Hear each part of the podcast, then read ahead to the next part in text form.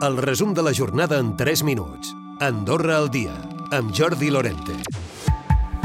El copríncep episcopal ha enviat aquest dijous un missatge d'unitat davant la situació econòmica i social, aprofitant la tradicional recepció de Nadal. S'ha referit també al canvi climàtic. Joan Enric Vives. La incertesa que el canvi climàtic projecta sobre el nostre futur, que obligarà, sens dubte, a adaptar el nostre estil de vida, la nostra economia i el nostre model de desenvolupament. Tenim eleccions, cosa bona, cosa que vol dir que estem en una democràcia. No tots els països tenen eleccions. D'altra banda, Xavier Espot s'ha pronunciat sobre la sentència del Tribunal Constitucional. Deixa clar que per al govern no és una decisió problemàtica i que no té cap discrepància de fons amb la decisió de l'alt tribunal.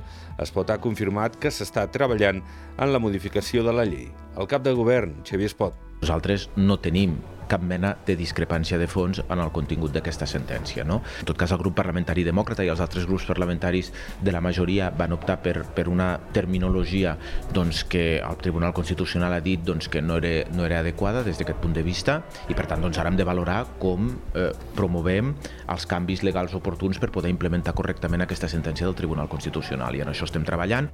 El Consell General ha dut a terme sessió la darrera de l'any, on una de les qüestions més destacades ha sigut aprovar les modificacions en el Codi Penal que tenen a veure amb la conducció temerària. Per cert, en aquesta sessió hi ha hagut una protesta silenciosa dels sindicats han dut alguns representants dels sindicats una mascareta amb una creu negra per demanar un gir de 180 graus de les actuals polítiques governamentals.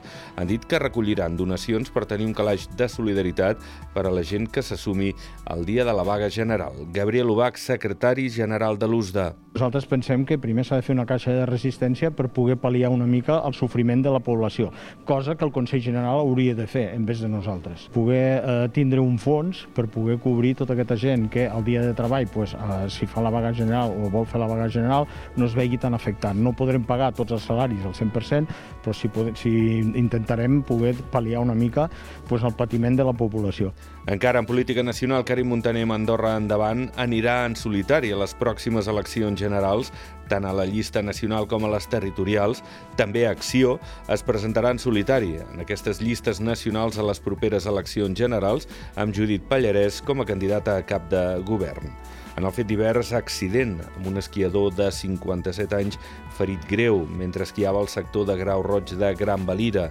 Té un traumatisme cranial greu i ha estat traslladat a l'Hospital de Sant Pau de Barcelona.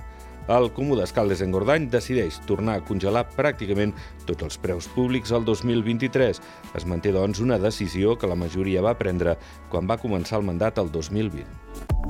Recupera el resum de la jornada cada dia a Andorra Difusió.